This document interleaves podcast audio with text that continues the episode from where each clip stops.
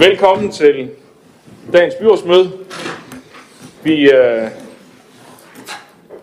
går tilbage til noget, vi har gjort for alt for længe siden, nemlig at starte byrådsmøderne med en sang. Og øh, det er Carsten Deinbold, der har valgt sangen i dag, og jeg har lige lovet, at han må få lov til at bare nævne et ord om det.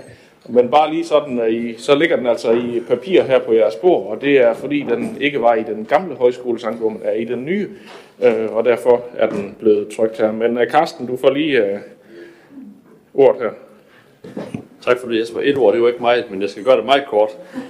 Tak fordi øh, jeg får lov til at vælge den første sang her i, øh, i byrådet. Det er jeg ret sikker på, at vi alle sammen vi glæder os til, at vi nu igen kan få lov til at, at synge her i byrådssalen. Og jeg har valgt at give os lyset tilbage. Jeg er ret sikker på, at det har også sådan en, en overført symbolsk betydning for os alle sammen. Vi glæder os rigtig meget til at få lyset tilbage efter vores nedlukning. Og øh, nu er vi her heldigvis igen. Jeg har bedt Jørgen Bosen om at, at synge for, for det er han super god til. Tak for det, Jørgen.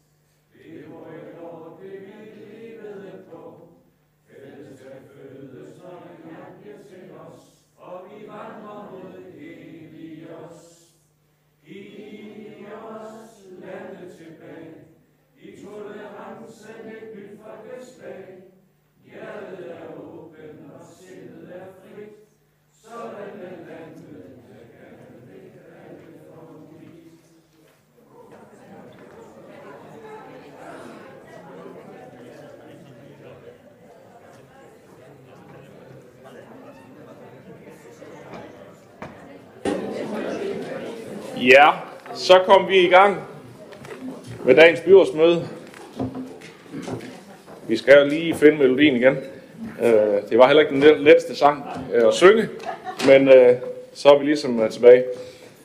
Og håber også, at lyset kommer tilbage, Carsten. Vi har et par afbud til dagens møde. Henrik Valø har afbud, og Maria Høj Pedersen er med som stedfortræder, og Michael Harbøl har afbud, og Tine Kjær Didriksen er med. Dermed er vi klar til at tage fat på dagens møde. Første punkt hedder godkendelse af dagsordenen.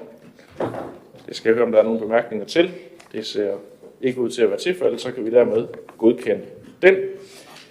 Det bringer os straks videre til sag nummer to, som handler om ændring af styrelsesvedtægten som følge af nye vederlagsregler. Og der er det nemlig som følge af ændrede regler, er det nødvendigt at ændre styrelsesvedtægtens paragraf 21 stykke 8 om ophør af vederlag for udvalgsformænd i forbindelse med lovligt forfald. Og samtidig så foretages, foretages der en revisionsmæssig ændring af styrelsesvedtægtens paragraf 5. Det har økonomiudvalget godkendt de konsekvensrettelser der, og det skal jeg høre om byrådet også kan. Det ser det ud til, at vi kan gøre i enighed. Det har vi hermed gjort. Det bringer os videre til sag nummer 3, som handler om udfordringer med budgetoverholdelse på anlægsprojekter. Og det er ikke fordi, vi ikke har styr på tingene her i Esbjerg Kommune, men det er faktisk fordi byggebranchen jo oplever store prisstigninger på byggematerialer, og flere af kommunens allerede budgetterede anlægsprojekter står derfor til at blive væsentligt dyrere end budgetteret, grundet de store prisstigninger. Og derfor er der i den her sag lagt op til, at der er nogle allerede budgetterede anlægsprojekter, som ellers skulle have været afviklet i 21, at de udsættes til perioden 22 til 25. Det har et flertal i økonomiudvalget godkendt sidste mandag, øh, hvor SF og Socialdemokratiet tog forbehold. De har stemt altså ikke imod, men, men øh, købt sig lidt betænkningstid øh, til i dag, og det kan være, at vi skal have foldet ud, hvor, hvordan øh, man stiller sig til det. John Snedker har i hvert fald bedt om ordet. Værsgo, John.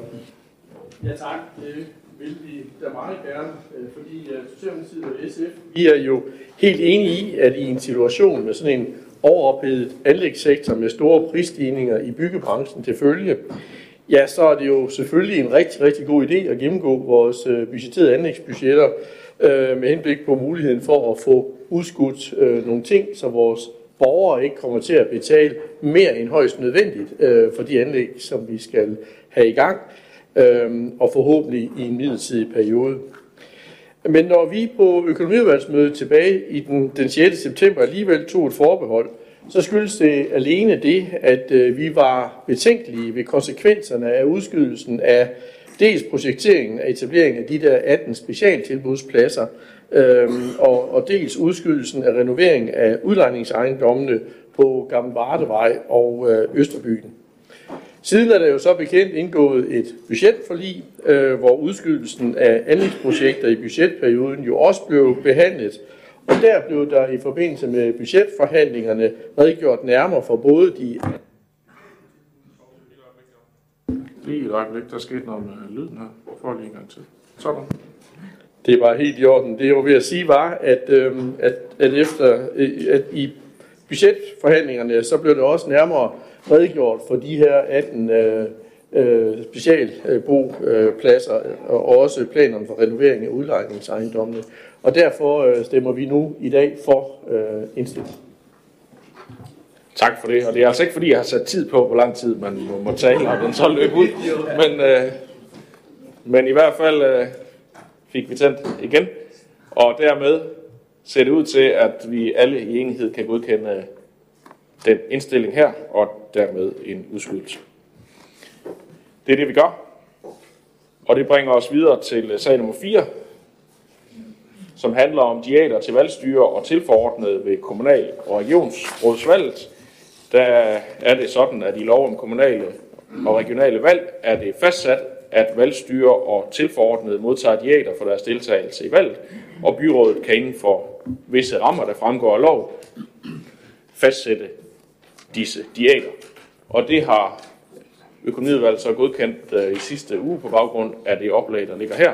Og nu skal jeg så høre, om byrådet har bemærkninger til det. Det ser ikke ud til at være tilfældet, så det kan vi dermed også godkende her. Det bringer os videre til sag nummer 5, som handler om Sydstjernen. Øh, og det er en sag, der både har været i børn- og familieudvalget og i teknik- og byggeudvalget, og formanden for børn- og familieudvalget, Diana Mos Olsen, vil starte, og så vil Søren Heide Lambertsen fortsætte bagefter. Værsgo, Diana. Så fik jeg ordet. I Esbjerg Kommune der arbejder vi med tidlig indsats og på i størst mulig omfang at sikre en støtte i hjemmet, så færrest muligt ender i en situation, hvor en anbringelse bliver nødvendig. Men vi kommer aldrig i en situation, desværre, hvor anbringelser bliver helt overflødige, og vi har derfor også behov for vores egne tilbud i kommunen, således at vi kan sikre, at vores børn og unge kan forblive så tæt på deres lokalområde, deres familie, dagtilbud, skoler og fritidsinteresser, som det er muligt. For nogle børn og unge er der et behov for en særlig støtte, og også for at komme en smule væk fra nærområdet, der måske ikke har haft en helt positiv indflydelse på deres liv. Og her har vi i Esbjerg Kommune ikke haft tilstrækkeligt med pladser, og derfor har flere af vores børn og unge indtil nu været sendt på døgntilbud i andre kommuner. Det besluttede vi i fællesskab med budget 2019-22 at ændre på. Derfor har vi i børnefamilieudvalget og teknik- og byggeudvalget arbejdet på at finde en løsning internt i kommunen. Og den løsning har vi nu fundet med en udvidelse af døgninstitutionen Sydstjernen i Ribe. Ved at udvide døgninstitutionen Sydstjernen i Ribe fra 8 til 16 pladser, der vil vi fremover kunne rumme den gruppe af børn med sociale og adfærdsmæssige problemstillinger i alderen 8 til 18 år. Det idéoplæg, der nu ligger øh, til om- og tilbygning af døgninstitutionen Sydstjernen, til højde for de udfordringer, som børnene kommer med. Der er både mulighed for, at børnene kan være sammen og hver for sig, når der er brug for det. Og jeg håber derfor, at øh, byrådet vil følge indstillingen om at i gang sætte om- og tilbygning af døgninstitutionen Sydstjernen, så vi kan tilbyde denne gruppe af børn og unge den hjælp og støtte, de har brug for herhjemme i Esbjerg Kommune. Og med disse ord, hvis det er okay med borgmesteren, så vil jeg sende ordet videre til Søren Heide Lambertsen. Det er så fint. Sådan, som. Sådan.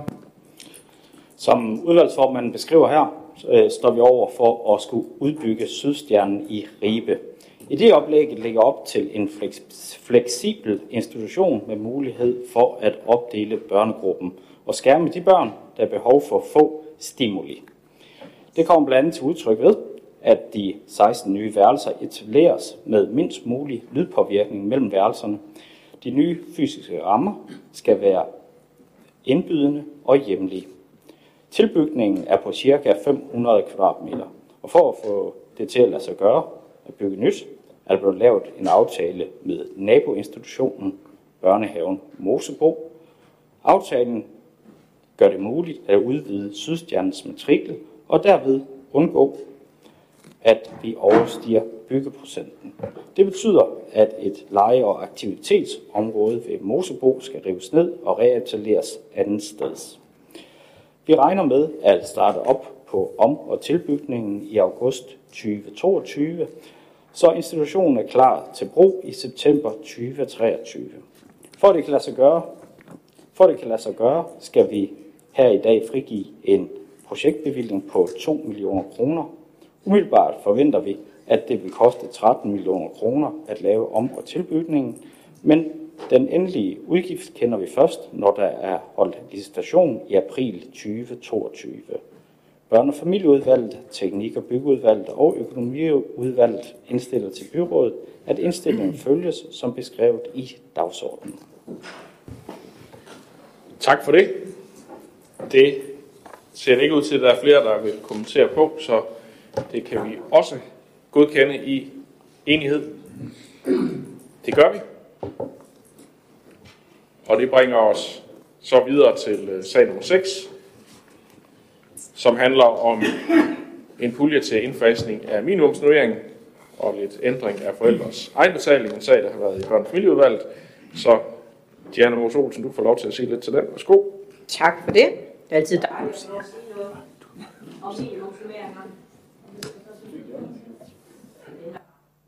Beklager, der er lidt udfordringer med uh, mikrofonsystemet i dag. Vi prøver en gang til. Sådan. Det kunne jo være en fejl før.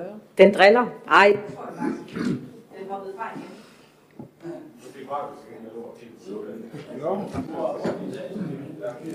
så går jeg da bare hjem.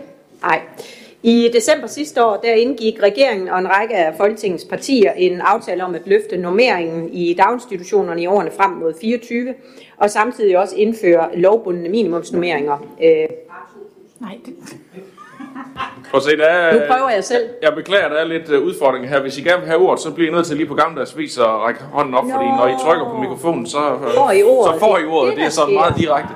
Det er ikke sådan, det skal fungere, men, Okay men uh, Diana taler, og så har jeg noteret et par stykker mere. Med aftalen, der følger hvert år en uh, pulje penge, og i Esbjerg Kommune, der modtager vi, det er lige blevet skrevet op, øh, eller skruet op. Vi troede, vi modtog 17,4 millioner, nu får vi 21,4 millioner kroner i 2022. Det går den rigtige vej. Og cirka 25 millioner kroner i 2023. Det håber vi selvfølgelig også bliver lidt større, men det ved vi ikke endnu. Tilskuddet det skal fordeles mellem de kommunale, selvejende og private daginstitutioner, og forventningen er, at beløbet i 22 kan omsættes til cirka 40 pædagogiske fuldtidsstillinger. I maj havde vi puljen for 21 på byrådets dagsorden, og nu skal vi så træffe beslutningen for puljen fra 22 til 23. Det er op til den enkelte kommune at beslutte, om forældrenes egenbetaling skal stige, og hvad der også skal ske med den ekstra indtægt, det giver. I børnefamilieudvalget og i økonomiudvalget, der anbefaler vi, at egenbetalingen i de kommunale og i de selvejende daginstitutioner stiger med virkning fra 1. januar 2022, og de penge, som øh, den ekstra stigning så vil betyde, de vil blive brugt til at ansætte mere pædagogisk personale, og det vil give yderligere fire fuldtidsstillinger. Herudover anbefaler et flertal i børnefamilieudvalget og og økonomiudvalget, at 4% af de midler, vi får, bliver sat af til relaterede udgifter som efteruddannelse, personale, administration og andre mere opgaver. SF, Radikale Venstre og Socialdemokratiet ønsker at fastholde øh, afsættelsen af de 2,5 procent, mens det konservative Folkeparti tager forbehold. Og den, på den baggrund anbefaler børne- og familieudvalget og økonomiudvalget, at byrådet følger indstillingen. Og med borgmesterens tilladelse må jeg da sige lidt om SF's Det tilkendegivelse. får du lov til, og du Yes. har jo ordet, så hold fast i det. Ja, det kommer an på, om du tager det jo. Når vi lige nævner de 2,5 og de 4 procent, kan det måske lyde underligt, men øh, da vi sidst besluttede os for, øh, hvor mange midler der skulle sættes af til blandt andet øh, udgifter til efteruddannelse, personale, administration og andre opgaver, der var vi enige om 2,5 procent. Denne her gang øh, har forvaltningen så indstillet 4 procent. Og i SF der har vi øh, truffet en beslutning om, at øh, fordi vi ikke har fået et svar omkring, hvad de ekstra udgifter skulle være til, eller at de 2,5 procent, som vi har besluttet, øh, at de overhovedet kunne holde eller ikke holde, men så mener vi faktisk, at øh, 2,5 procent øh, må være nok til personaleadministration og efteruddannelse. Og det er jo ikke, fordi vi ikke anerkender, at der er et behov for at have nogle penge, men fordi vi mener, at de midler, vi har fået fra staten til minimumsnummeringer, som udgangspunkt skal gå direkte til børnene. Vi har ikke fået en forklaring på, hvorfor det skal stige til de 4%, om vi har brugt mere, hvorfor det koster mere administration per pædagog, vi ansætter nu, end da vi gjorde det sidste år, og derfor har vi valgt at fastholde de 2,5%, som vi afsatte, da vi sidst var så heldige at behandle de ekstra penge, vi havde fået til minimumsnummeringer. Og der bliver talt lidt om, at det er fordi, vi måske også har et efterslæb, og fordi vi ikke har en særlig øh, stor administration. Det synes jeg faktisk ikke øh, er det ansvar for Christiansborg øh, at løse for minimumsnummeringsmidlerne, at, øh, at tage vare på et eventuelt efterslæb. Det er noget, vi selv må stå for. Tak for det. Så var det øh, John Snedgaard, der har markeret.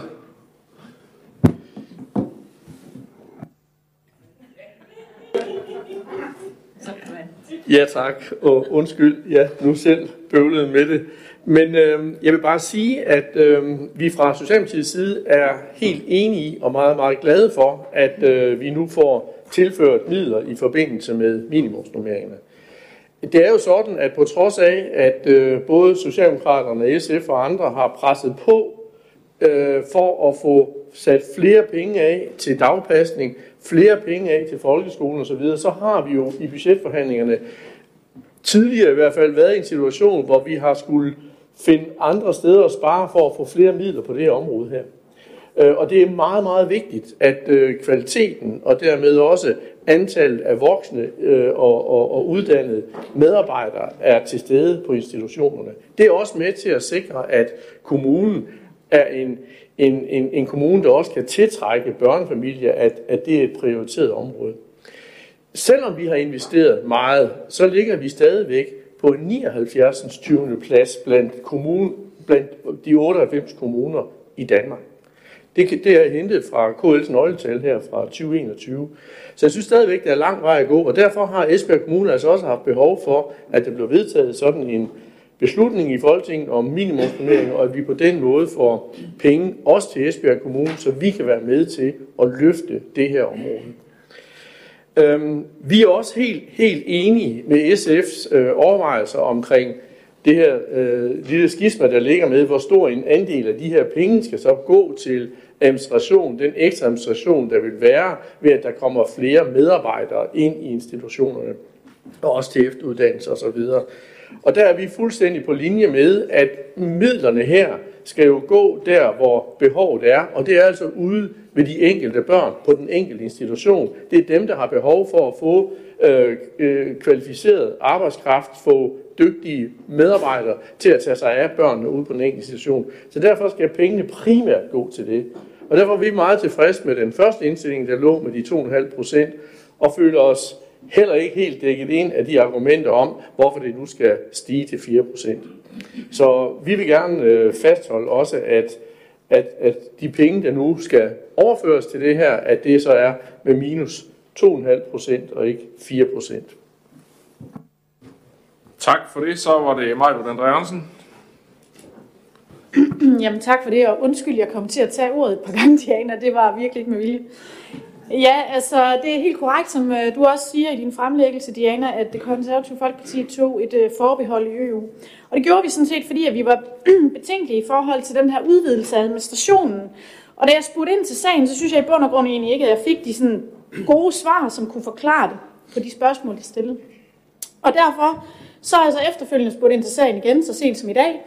Og jeg, undskyld, og jeg må nok erkende, at jeg faktisk ikke blev voldsomt meget klogere øh, i forhold til de svar, jeg modtog. Øhm, og så er der det andet perspektiv, det er, at de vigtigste hænder, det er trods alt dem, der skal have med børnene at gøre. Så derfor så kan vi desværre ikke stemme for det forslag i dag. Så er det Jakob Lose.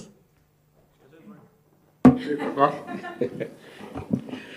Jamen, jeg vil på vegne af Venstre sige, at vi kan følge forvaltningens indstilling, hvilket jo betyder, at vi får et rigtig godt løft i antallet af pædagoger i vores kommune. Og så lever vi også fint med, at øh, forældrebetalingen så også stiger en lille smule. Det er jo konsekvensen af, øh, når det er, at man bruger flere penge på lønninger på området, så stiger forældrebetalingen også.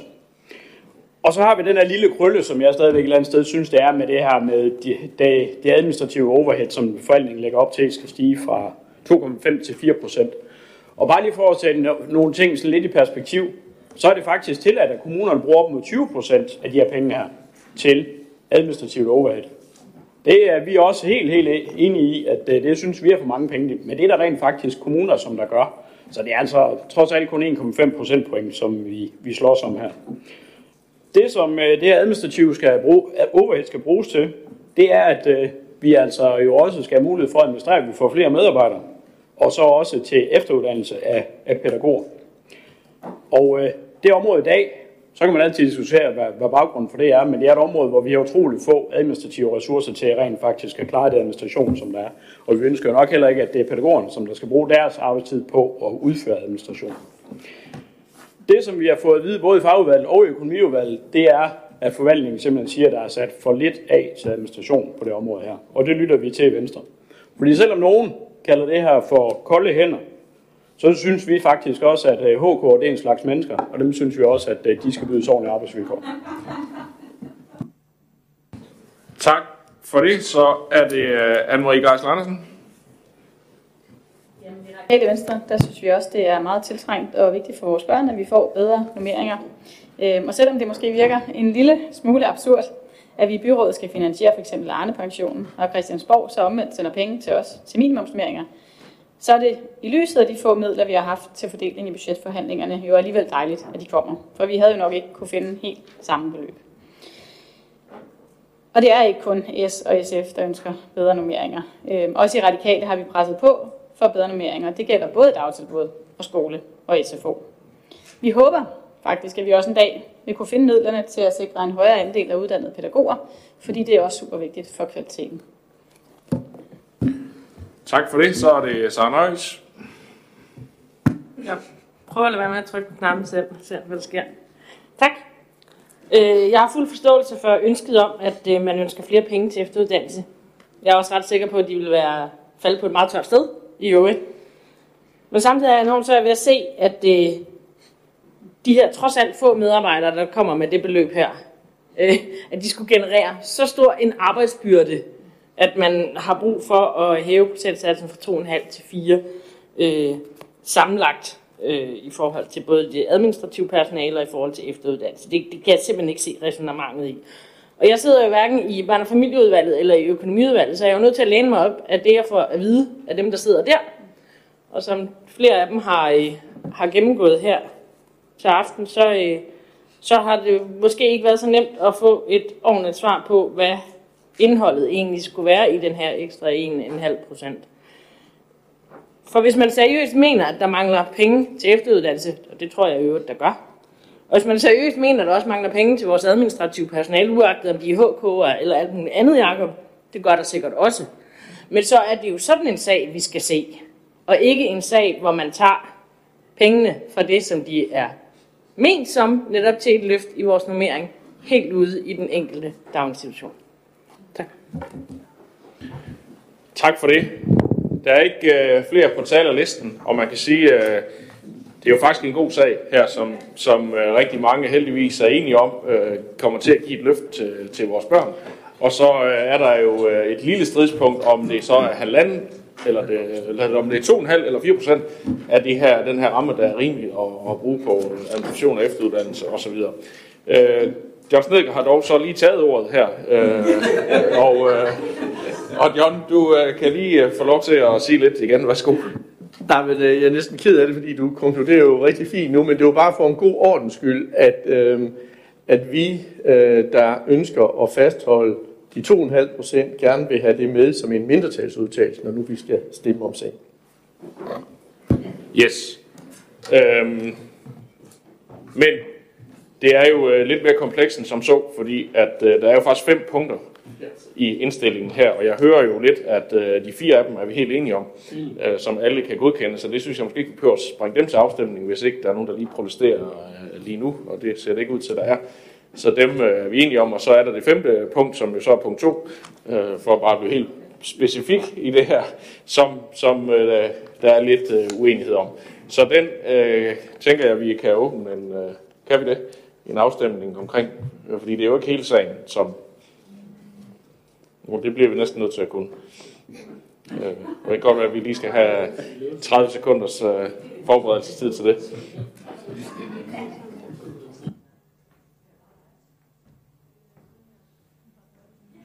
Yes. Så, lige præcis.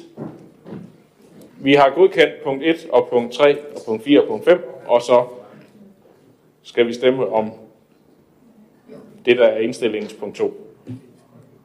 Og den øh, åbner Susanne lige om et øjeblik. Det gjorde hun nu. Og hvis man kan godkende forvaltningens indstilling, så stemmer man for, og,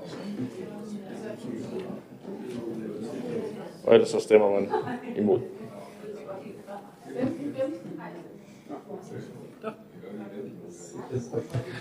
Det var dog imponerende hurtigt i dag. Tak for det. Det øh, var der her med et øh, flertal på 16, der stemte for, og 15, der stemte imod. Og så øh, tænker jeg, at vi tilføjer den samme mindretalsudtalelse, øh, som der også stod under økonomiudvalget og børnefamilieudvalget. Men, yes. Er det, øh, er det i orden? Det er det, vi gør. Godt. Det bringer os øh, videre til øh, sag nummer 7, som vi lige skal have med på skærmen også, inden vi, inden vi sætter den i gang.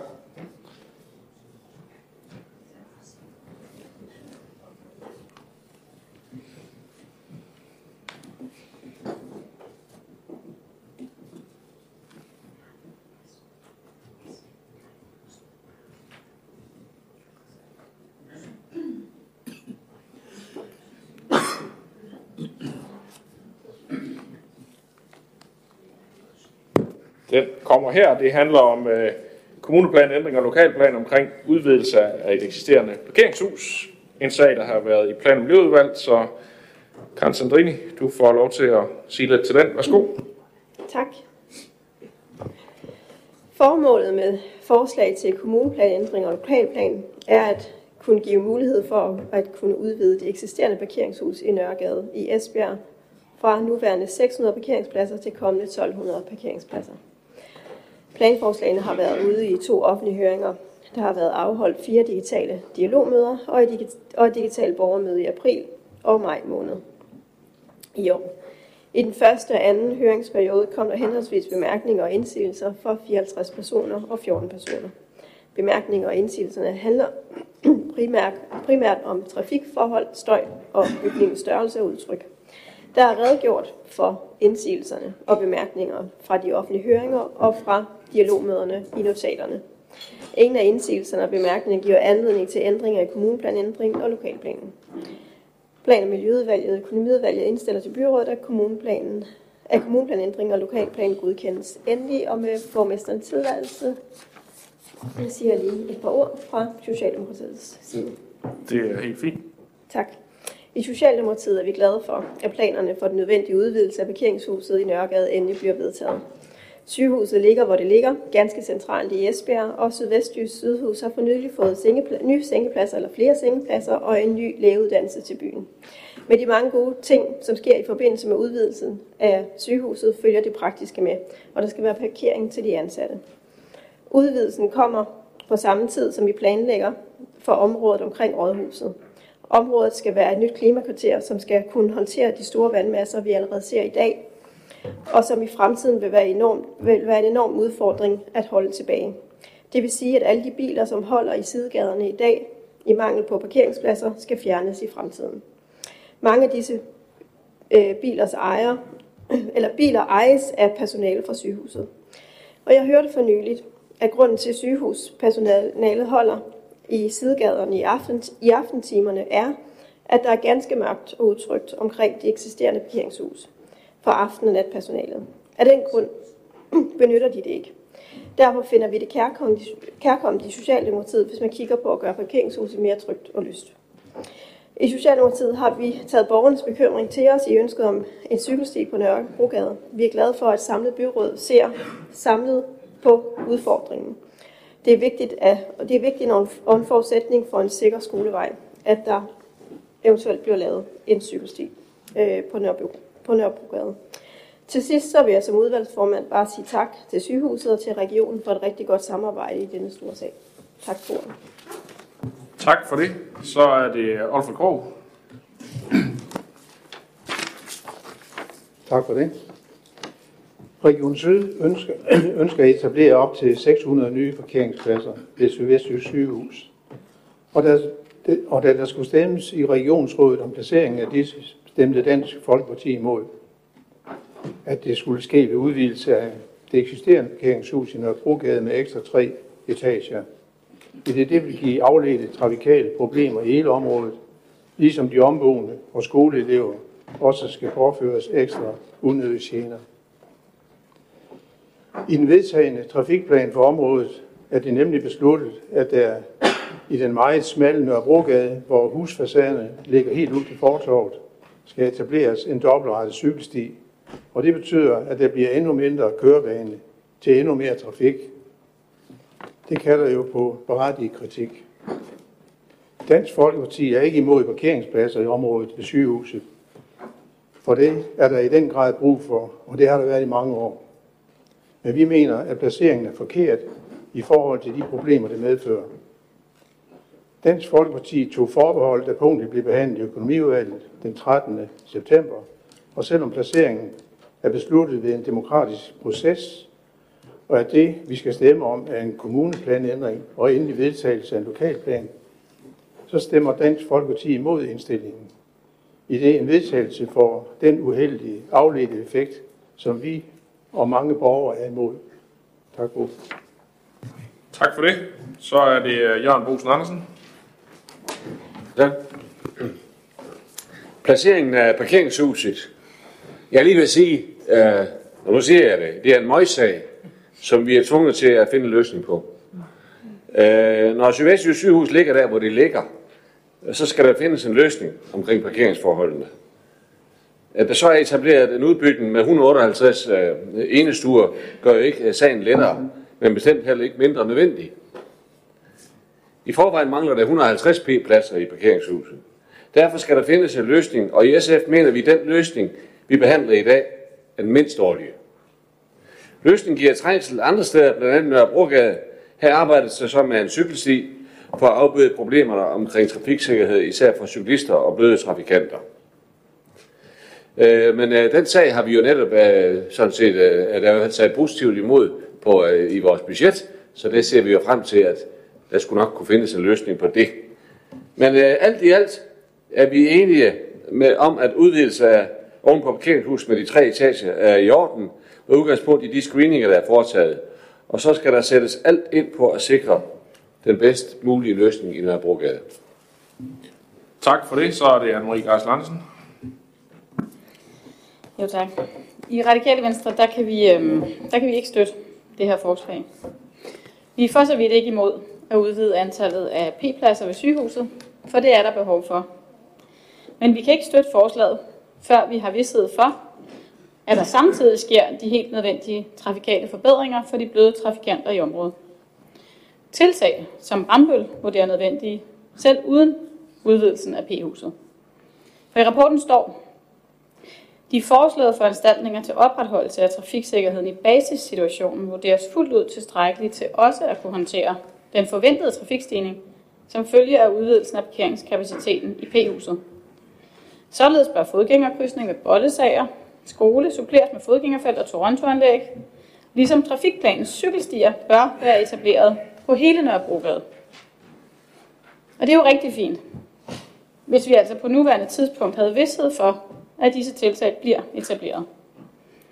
For eksempel så har vi jo netop afsat midler til cykelstier i forbindelse med budgettet. Men etablering af en cykelsti i Nørregade, det kræver jo statstilskud. Og som jeg kan forstå på forvaltningen, så får vi svar på dette inden for de næste par uger, forventer man. Så hvorfor afventer man ikke det? Er det her så meget en hastesag, at det ikke er muligt at sikre en bedre koordinering? Jeg har lidt svært ved at forstå, at man ikke kan koordinere tingene bedre. Vi har tidligere godkendt eksempelvis øh, erhvervsudvidelser samt opførelsen af nye dagligvarerbutikker, hvor vi heller ikke samtidig tog hånd om de trafikale udfordringer, som det medførte.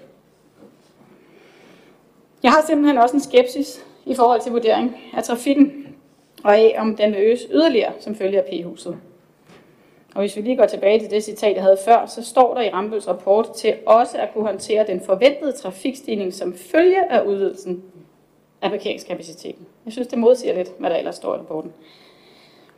Men det har jeg, fordi der sker jo løbende en udvidelse af kapaciteten på sygehuset. For eksempel med mere ambulant behandling. Det kræver, at flere patienter kommer og går. Ny lægeuddannelse. Må ikke den kan vokse i fremtiden. Så kender jeg også folk, der arbejder på sygehuset. Og selvfølgelig vil en udvidelse af P-huset gøre det mere nærliggende at tage bilen.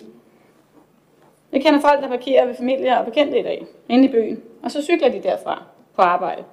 Fordi man ikke kan være sikker på at få en plads ved sygehuset i morgentimerne. Det gør de nok ikke fremadrettet, hvis der er plads i P-huset. Vi kunne som gode radikale jo godt have valgt at stemme gult til den her sag. Det gjorde vi jo ved havneudvidelsen, fordi vi ikke var imod selve udvidelsen. Tværtimod, men fordi vi ikke fandt, at man der tog tilstrækkelig højde for de potentielle støjkonsekvenser.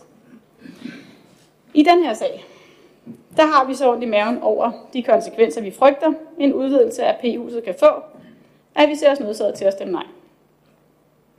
Kunne vi her i byrådet have fået en bred tilkendegivelse på, at P-huset ikke vil blive taget i brug, før man har håndteret udfordringerne, udfordringerne i området, for ikke mindst de bløde trafikanter, så kunne vi måske have været med. Men det tvivler vi desværre på, at vi kan. Hvad sker der for eksempel, hvis vi ikke får statstilskud til en cykelsti i Nørregade? Finder vi så pengene alligevel? Det håber jeg, vi gør, hvis vi vedtager det her. Og Alfred var lidt inde på lige til sidst, da han, øh, hvordan cykelstien etableres. Det var noget med dobbeltrettede cykelstier. Og mig bekendt, så er vi ikke blevet orienteret om dette, så jeg er faktisk også en vis skepsis i forhold til selve løsningen. Kan det overhovedet lade sig gøre? Det ved vi mig bekendt ikke endnu, at lave den her cykelsti ordentligt i Nørrebrogade. Så vi, øh, vi stemmer meget sandsynligvis nej. Tak for det. Det er jo godt, at du er ved at være tæt på at gøre din stilling op her et par minutter, før vi skal, før vi skal stemme. Øh, sandsynligvis er selvfølgelig også en, en, en retning. Øh, Sara Nørris, du beder om ordet. Værsgo. Ja, tak.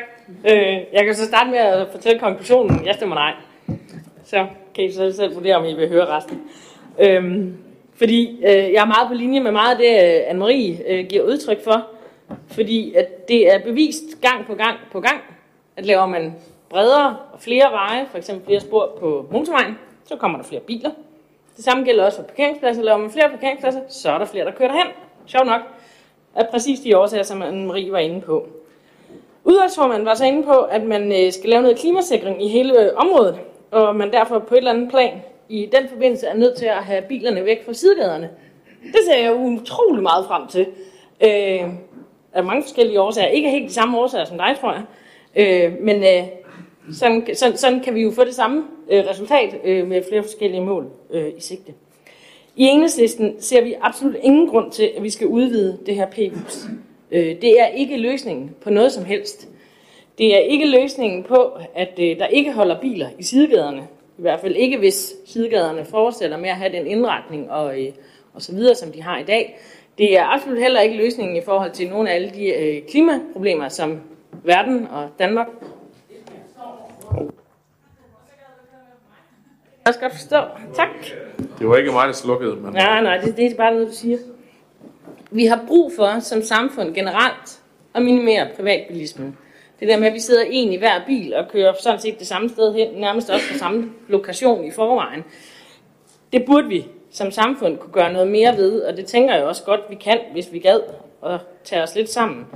Det handler om både at køre sammen, det handler også om at lade være med at køre et sted hen, så tage cyklen det sidste stykke, fordi det er alt for besværligt at køre bilen helt hen. Det kunne jo være, at man kunne cykle lidt længere, eller det kunne være, at man kunne mødes ude et eller andet sted lidt længere ude, og så køre sammen i en bil i stedet for i fire biler. Der er mange muligheder. Og det synes jeg i virkeligheden, at vi skulle tage og fokusere på, i stedet for at bygge det her P-hus. Jeg kan godt se, at det, det er jo ikke det, der sker. Den sidste pointe, det er jo så netop i forhold til Nørrebrogade, som flere andre også har været inde på. Øhm, og i, hvis man har prøvet at køre der, uanset om det sådan set er i bil eller på cykel, så ved man, at det er ganske rædselsfuldt. Øh, netop fordi der holder så mange parkerede biler i forvejen. De holder som oftest i de markerede båse, så det er ikke fordi, de holder ulovligt. Men det er virkelig forfærdeligt, og man kan ikke se, om der kommer øh, et skolebarn på cykel lige og kommer til at svinge lidt for langt ud og sådan noget. Det kan man virkelig ikke se. Det er ganske rædselsfuldt. Det er også en, en gade, hvor der også kører bybusser. Øh, de, de har lidt problemer med at snokle sig frem og tilbage en gang imellem. Så der skal en løsning til på Nørrebrogade, før man overhovedet går i gang med det her. Uagtet at jeg har tænkt mig at stemme imod det, og forventer, at I alle sammen følger mit eksempel, selvfølgelig. Øhm, det gør I nok ikke, men så i den kontekst vil jeg bakke op om en Maries indsigelse i forhold til, at så skal man som minimum have en løsning på Nørrebrogade, før man gør mere end det her. Tak. Tak for det. Så er det Maria Høj Pedersen. Tak for det. Øh, I borgerlisten der har vi jo også taget forbehold i den her sag øh, af mange af de øh, årsager, der allerede er nævnt. Øh, det bliver nævnt, at det er lidt en trælsag, for vi har et øh, helt akut behov for nogle parkeringspladser, som skal løses i et område, hvor infrastrukturen nok bare ikke er til, at vi skal på mange flere biler ind, øh, som det er i dag. Olfert nævner også helt korrekt det her omkring cykelstierne og vejbanens bredde. Der stiller vi også en lille smule undrende over for, om det overhovedet kan lade sig gøre at etablere den her sikre skolevej i Nørrebrogade, som vi også tidligere har efterspurgt.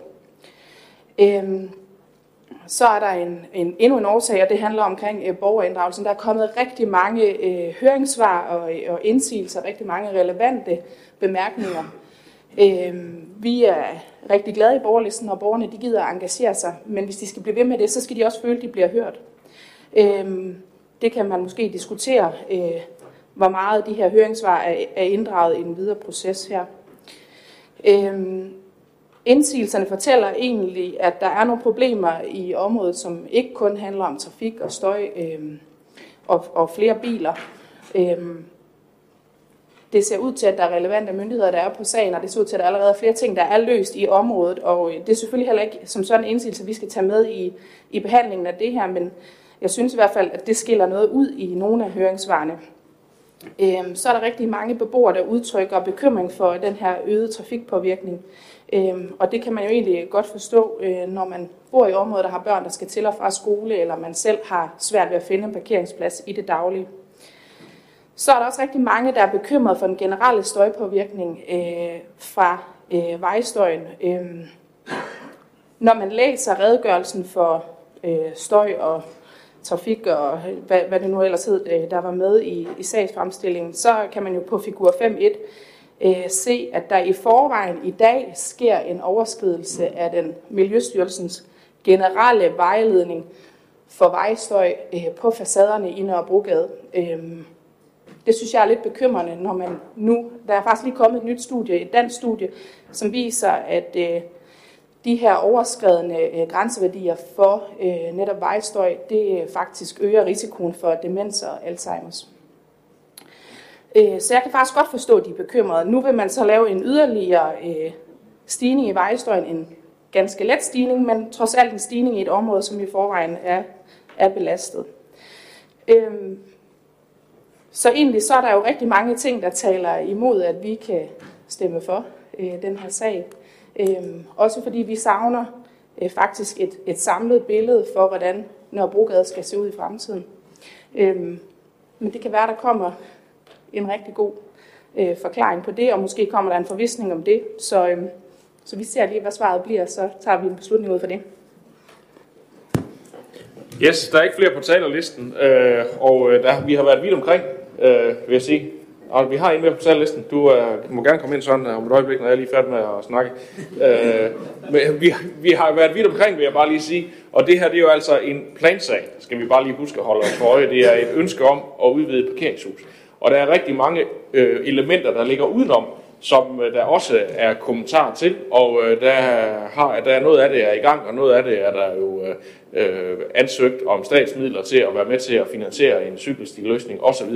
Øh, men, men man kan sige, at det vi skal forholde os til i dag, det er faktisk selve plansagen, og det er jo, øh, øh, man har jo mulighed for at stemme præcis som man vil øh, her. Det, det skal jeg ikke øh, belære nogen om, eller overtale nogen til noget, men øh, det er jo i hvert fald øh, det, vi også i Venstre forholder os til, hvad er det, der står i, øh, øh hvad handler den her sag om, og også øh, de øh, gode faglige argumenter, der også øh, er med.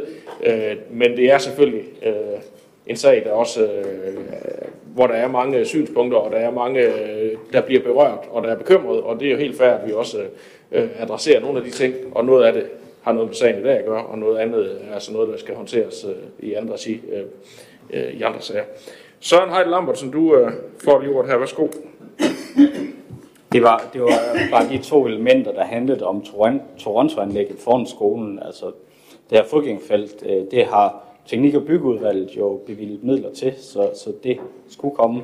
I forhold til cykelstien, så er det ikke en, en dobbeltrettet cykelsti, øh, der er planer med. Den del af trafikplanen, hvor man har undersøgt, om der er plads til det er altså en enkeltrettet cykelsti. Så det var bare lige så der ikke var misforståelse omkring det.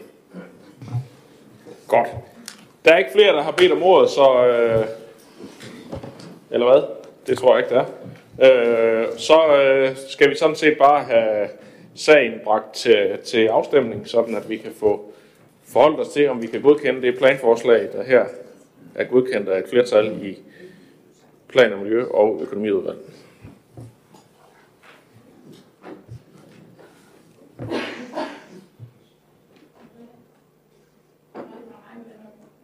Nej, ikke kun dig.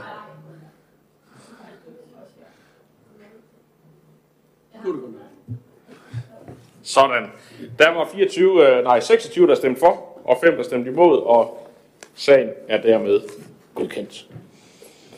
Det bringer os øh, videre til sag nummer 8, som handler om endelig vedtagelse af miljøkonsekvensrapport omkring Ribe Biogas. Også en sag, der har været i planen miljøudvalget. Karen, du får ordet igen. Værsgo. Tak. Miljøkonsekvensrapporten forslag til paragraf 25 tilladelse og forslag til miljøgodkendelse for udvidelse af biogas har været i offentlig høring. I høringsperioden er der kommet en bemærkning. Bemærkningen har ikke medført justering af paragraf 25 tilladelsen. Baggrunden for myndighedsarbejdet er et ønske om at øge biomassemængden fra 305.000 ton per år til 440.000 ton per år. Paragraf 25 tilladelsen fremlægges med henblik på endelig vedtagelse. Plan- og Miljø øh, udvalget økonomiudvalg indsætter til byrådet, at paragraf 25 tilladelsen vedtages med øh, efterfølgende annoncering. Tak for ordet. Tak for det. Så er det Sara Nøjes. Ja, tak. Jeg har, har sparet lidt på kræfterne og gentager bare, hvad jeg sagde, dengang vi sendte den høring. Biogas har primært til det formål at løse et affaldsproblem for den industrielle svineproduktion. Energimæssigt er potentialet yderst beskeden, som også er beskrevet i sagsomstillingen. Enhedslisten ønsker i stedet at afvikle den industrielle svinlandbrug, som hverken er miljø, klima eller dyrevelfærdsmæssigt bæredygtigt. Derfor stemmer vi nej. Tak. Det kunne godt give anledning til en større debat, men jeg tænker, at nu handler sagen bare her om øh, en, en, en plansag øh, ved Ribe Biogas, så skal vi ikke lade det være ved det. Øh, og så må vi jo, da der ikke har bedt, andre, der har bedt om ordet, øh, så skal vi sådan set have åbnet en afstemning igen, så vi kan øh, forholde os til det. Og se, hvem der kan støtte planforslaget her.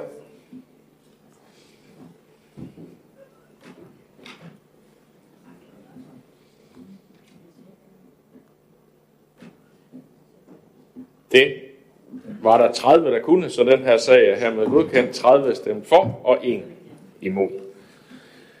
Det bringer os videre til uh, sag nummer 9.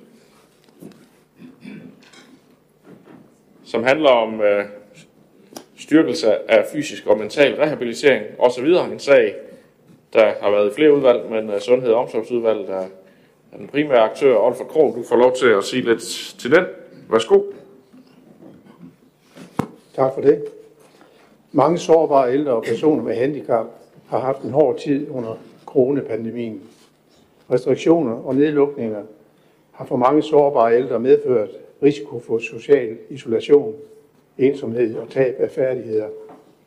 Også borgere med handicap på botilbud har i perioden med corona oplevet, at hverdagen er ændret øh, på mange måder, blandt andet i form af færre besøg og mindre socialt samvær. Derfor er det meget glædeligt, at vi har fået godt 1,6 millioner kroner fra Folketingets sommer- og erhvervspakke til ekstra tiltag, som skal styrke den fysiske og mentale rehabilitering og styrke kulturtilbud til de to grupper af borgere. Aktiviteterne for sårbare ældre skal have særlig fokus på borgere med demens og deres pårørende. Det gælder både beboere på plejehjem og mennesker med demens, der bor i eget hjem. Det kan for eksempel være fysisk rehabilitering, deltagelse på dag- og aktivitetscenter, aflæsning og demenscaféer. Derudover kan vi tilbyde sårbare ældre ekstra hjælp til f.eks. indkøb, en samtale eller ledsagelse til sociale aktiviteter. Initiativer, der kan være med til at skabe fællesskaber og bryde ensomhed, skal tænkes ind. Og så får vi mulighed for at give sårbare ældre kulturoplevelser, øh, for eksempel koncerter eller forestillinger. På botilbud til mennesker med handicap gives der støtte til, at beboerne kan tage på dagture, ligesom der kan tilrettelægges andre udendørs sociale aktiviteter, gerne i samarbejde med lokale frivillige foreninger. I alt godt 3.000 borgere i kommunen falder inden for målgruppen og kan dermed få glæde af midlerne. Heraf er flest sårbare ældre og mennesker med demens. Vi skal bruge midlerne inden udgangen af 2021. I sagsfremstillingen i dag kan I se et forslag til, hvordan vi øh, fordeler tilskudsmidlerne mellem de forskellige områder.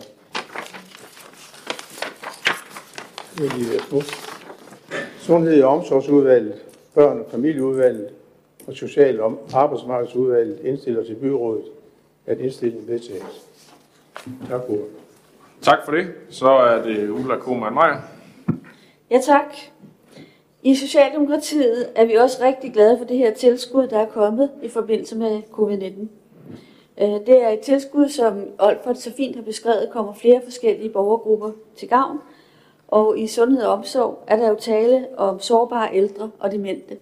Puljen er i alt på 1,6 millioner, og puljen til øh, de sårbare ældre og demente, den er på 1,3 millioner. Det er jo mange penge, og det er jo dejligt, at der kan laves øh, fine fællesskaber og underholdning og aktiviteter på alle vores plejecentre. Men ikke nok med det. Sam, samtidig kan pengene nemlig komme til gavn for ældre, øh, som bor i sit eget hjem. I denne her tid, der har vi jo været meget bekymret for de øh, øh ensomme ældre i deres eget hjem. Og det er ikke en bekymring, som kun Socialdemokratiet bærer. Det er også en bekymring, som ældrerådet bærer. Og derfor er vi jo selvfølgelig enige om i udvalget, og også med ældrerådet, at den her ensomhed skal forebygges.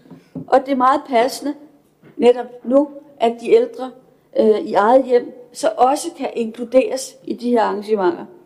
Tilbuddet det organiseres som klippekort, og øh, vi glæder os bare til, at det skal komme i gang. Øh, det er meget positivt. Tusind tak for ordet. Tak for det. Så er det Preben Odinggaard.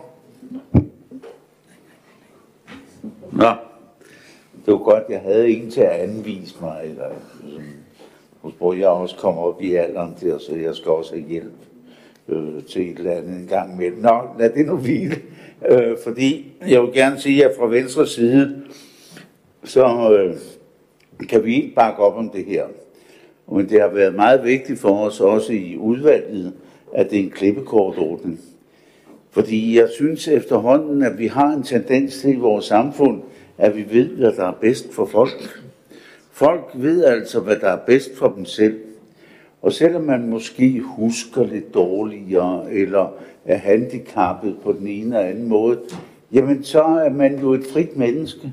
Og derfor må jeg sige, at det var med stor glæde, at et enigt udvalg, at vi kunne blive enige om, at det skulle være ud fra modellen klippekort. Jeg kan sige, det kan man se på mit hår, at øh, så længe jeg kan gø og gabe, og jeg bliver jo også ældre, så vil jeg stadigvæk have min frihed til selv at bestemme, hvad det er, jeg vil. Så øh, fra venstre side kan jeg bare sige, at vi bakker fuldstændig op om det her. Tak for det. Og det ser det heldigvis ud til, at hele byrådet kan, og dermed kan vi godkende sagen her. Det bringer os øh, videre til øh, sag nummer 10, som handler om renovering af udlejningsejendommen på Gamle Vardevej. En sag, der både hører hjemme i Sundhed- og Omsorgsudvalget og i Teknik- og Byggeudvalget, så der er to udvalgsformænd, der vil sige lidt til den. Olfert Krog, du får lov til at lægge ud. Værsgo. Tak for det. 66 lejligheder på Gamle Vardevej er nedslidte og trænger til en gennemgribende renovering. Kommunen udlejer lejlighederne, uden at lejerne skal betale indskud. Når en lejer flytter fra en lejlighed, bliver lejligheden udlejet igen uden nævneværdig renovering. Det betyder, at vi kan holde huslejen på et fornuftigt niveau. Men det betyder også, at boligen i dag fremstår, eller boligerne i dag fremstår nedslidt. Vi har tidligere afsat godt 16 millioner kroner til renovering af boligerne og fællesarealerne på Gamle Vardevej. Men en renovering, øh, med en renovering kan vi fremtidssikre ejendommene og blandt andet tilbyde boliger med et forbedret indeklima og boliger, der er indrettet, så de kan holde til de mange ind- og udflytninger. Det er vigtigt, at de renoverede boliger i størst mulig omfang kommer til at svare til beboernes og brugernes behov og ønsker. Derfor har vi også inddraget både beboere, viseværter, værstedet Morgenrøden, Aktivitetscentret og Komut, de hjemløses venner og forfatter og kunstner Eva Mertz forud for renoveringen. Vi har blandt andet holdt et brugermøde, hvor beboerne gav værdifulde forslag til de, frems- til de fremlagte skitser over, hvordan de renoverede boliger kan se ud. Når så stor en renovering skal gennemføres, er der brug for at genhuse beboerne. Her er jeg glad for, at der er fundet en løsning, hvor beboerne kan blive i deres lokalområde, og at de kan flytte mindst muligt. Og så vil jeg give ord til Søren Heide Lambertsen fra Teknik og Bygge, som kan fortælle mere om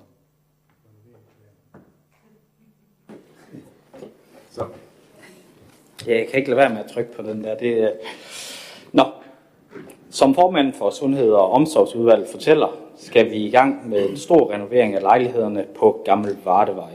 Renoveringen skal naturligvis tage hensyn til den fremtidige brug af lejlighederne, som lige er blevet beskrevet overfor. Den første renoveringsplan indeholdte udskiftning af tag, men teknik og miljø har vurderet, at taget godt kan holde 15-20 år endnu.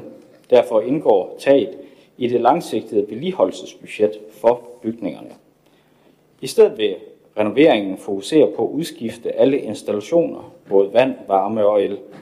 Under kældergulvet renoveres kloakken ved hjælp af strømbeforing. Der kommer desuden et nyt køkken og bad i alle lejligheder. Vinduerne bliver skiftet i nogle lejligheder, ligesom man kigger på, om nogle ikke-bærende vægge kan fjernes. Vi forventer, at renoveringsprojektet tager halvandet år og går alt efter planen begynder arbejdet i slutningen af 2022. Arbejdet vil tage udgangspunkt i, at hele op Arbejdet vil tage udgangspunkt i, at hele opgange renoveres i samme ombæring.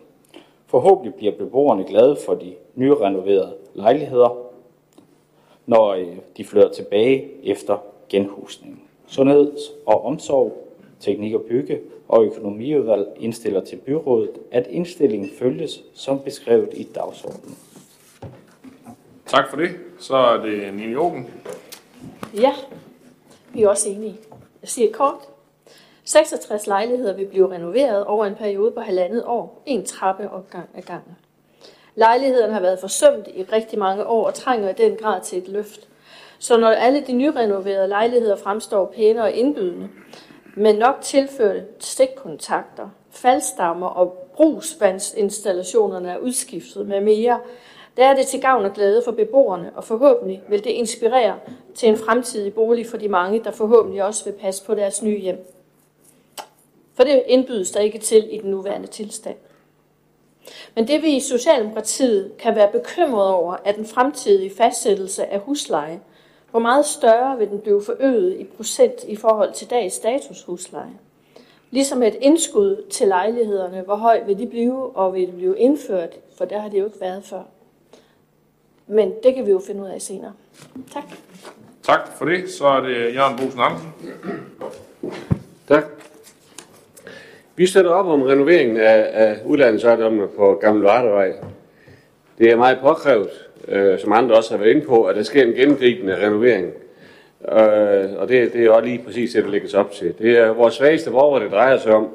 Og derfor er genhusningsplanen, som Olfert også var inde på, vigtig.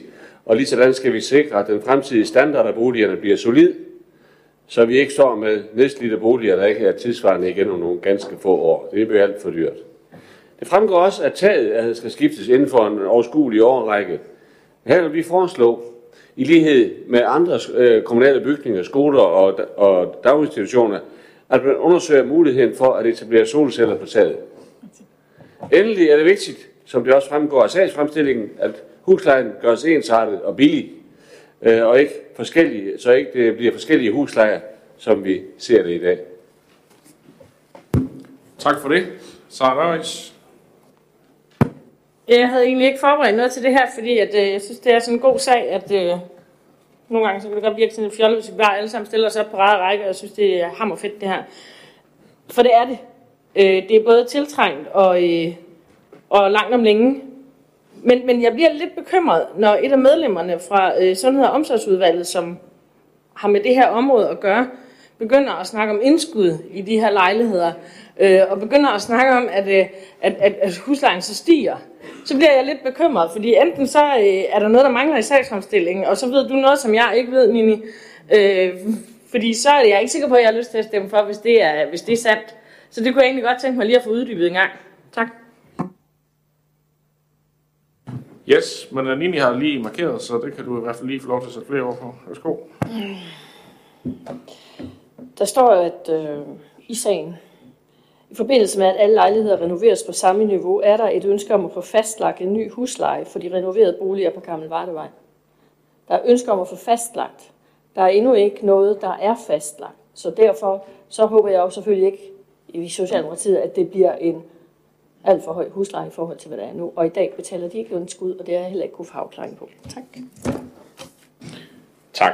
Men uh, i hvert fald, uh, det vi skal forholde os til i dag, det er renovering Nej, af de her Men det kan jo godt være ejendomme, og det uh, var der ikke nogen, der havde noget imod, i hvert fald i alle de uh, indlæg, der kom, så det ser det ud til, at vi kan godkende i enighed.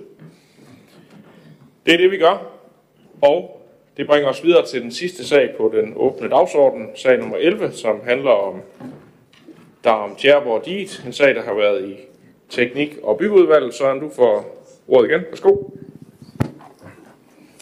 Tak skal du have. Det er cirka 5 km lange Darm Tjæreborg Dige trænger til en renovering. Revner i Darm Tjæreborg Diges bagskråning har nemlig svækket Diges styrke væsentligt. Sammen, sammen med Darm Tjæreborg Digelag har Teknik og Miljø derfor bedt Kovi om at udarbejde et forprojekt til en forstærkning af diget. Forprojektet skal danne grundlag for en ansøgning til kyst, Kystdirektoratets kystbeskyttelsespulje 2021, der blandt andet yder tilskud til forstærkning af diger i Vadehavsområdet. Puljen har ansøgningsfrist den 30. september. Puljen yder udelukkende støtte til anlægsudgifter, og Esbjerg Kommune vil som minimum selv skulle finansiere 20 procent heraf. Vi forventer, at renoveringen tager 4-5 år med opstart i 2022. Det fremtidige dige vil være over 1 meter højere, end det er i dag, men vil fortsat være græsbeklædt, dog med en stejlere skråninger. Projektet inddeler diget i tre sektioner med forskellige løsningsforslag. Eksempelvis ønsker vi i forbindelse med renoveringen at etablere en cykelsti med udsigt over Vadehavet på dele af diget. Cykelstien vil være i tråd med det eksisterende arbejde for en naturrute langs Vadehavskysten. Teknik- og byggeudvalget og økonomiudvalget indstiller til byrådet, at indstillingen følges som beskrevet i dagsordenen. Tak for det. Anne-Marie Geis Andersen. Men det var bare lige øh, to korte ting. Der står i sagen, at øh, der vil blive set på muligheden for at indtænke en form for kunstværk øh, eller rekreative løsninger i området ved Sneum Sluse. Og så vil jeg bare spørge eller opfordre til, om muligt, at man inddrager strategien for kunst i det offentlige, og alt det arbejde, der er lagt i den, hvis det giver mening.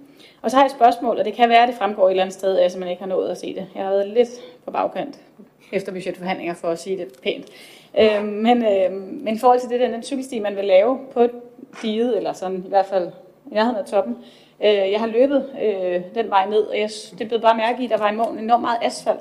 Og nu er jeg ikke øh, cyklist, det kan godt være, at det er det bedste for cyklister, men jeg vil bare, hvis det er muligt, om man kan tænke ind om, om øh, underlaget kan være en smule varieret, fordi hvis man løber den der rute hele vejen ned, så er det altså meget løb på asfalt hele vejen. Øh, at, at der måske kan være begge muligheder, hvis det kan lade sig gøre. Jeg ved ikke, om man overhovedet må asfaltere op på det, man overhovedet tænkt sig det, men det kan være udvalgsvarmt, for man kan redegøre for det. Ellers så var det bare et, et hensyn, man måske kunne tænke med. Det er i hvert fald en opfordring, der er givet videre. Det er jo øh, en detalje her i forhold til et, øh, en ansøgning til staten om medfinansiering øh, her, som, som det jo i bund og grund øh, øh handler om. Øhm, og øh, selvfølgelig giver det god mening at inddrage øh, strategien for kunst i det offentlige rum. Nu er, handler det her så heller ikke om kunst eller penge til kunst, øh, fordi det kræver, koster jo også lidt, hvis man når dertil. Men her er det jo ligesom primært dit, og det koster jo også rigtig mange penge. Men nu har vi jo i hvert fald Øh, indarbejdet forslaget i, øh, i det budgetforlig, der blev lavet øh, indgået i sidste uge. Så hvis ellers staten vil være med til at betale deres væsentlige andel af det her, så er der jo en chance for, at det rent faktisk kan få det, få det til at blive sådan noget. Der er ikke flere, der har bedt om ordet, så jeg tror, vi i enighed også kan godkende sagen her.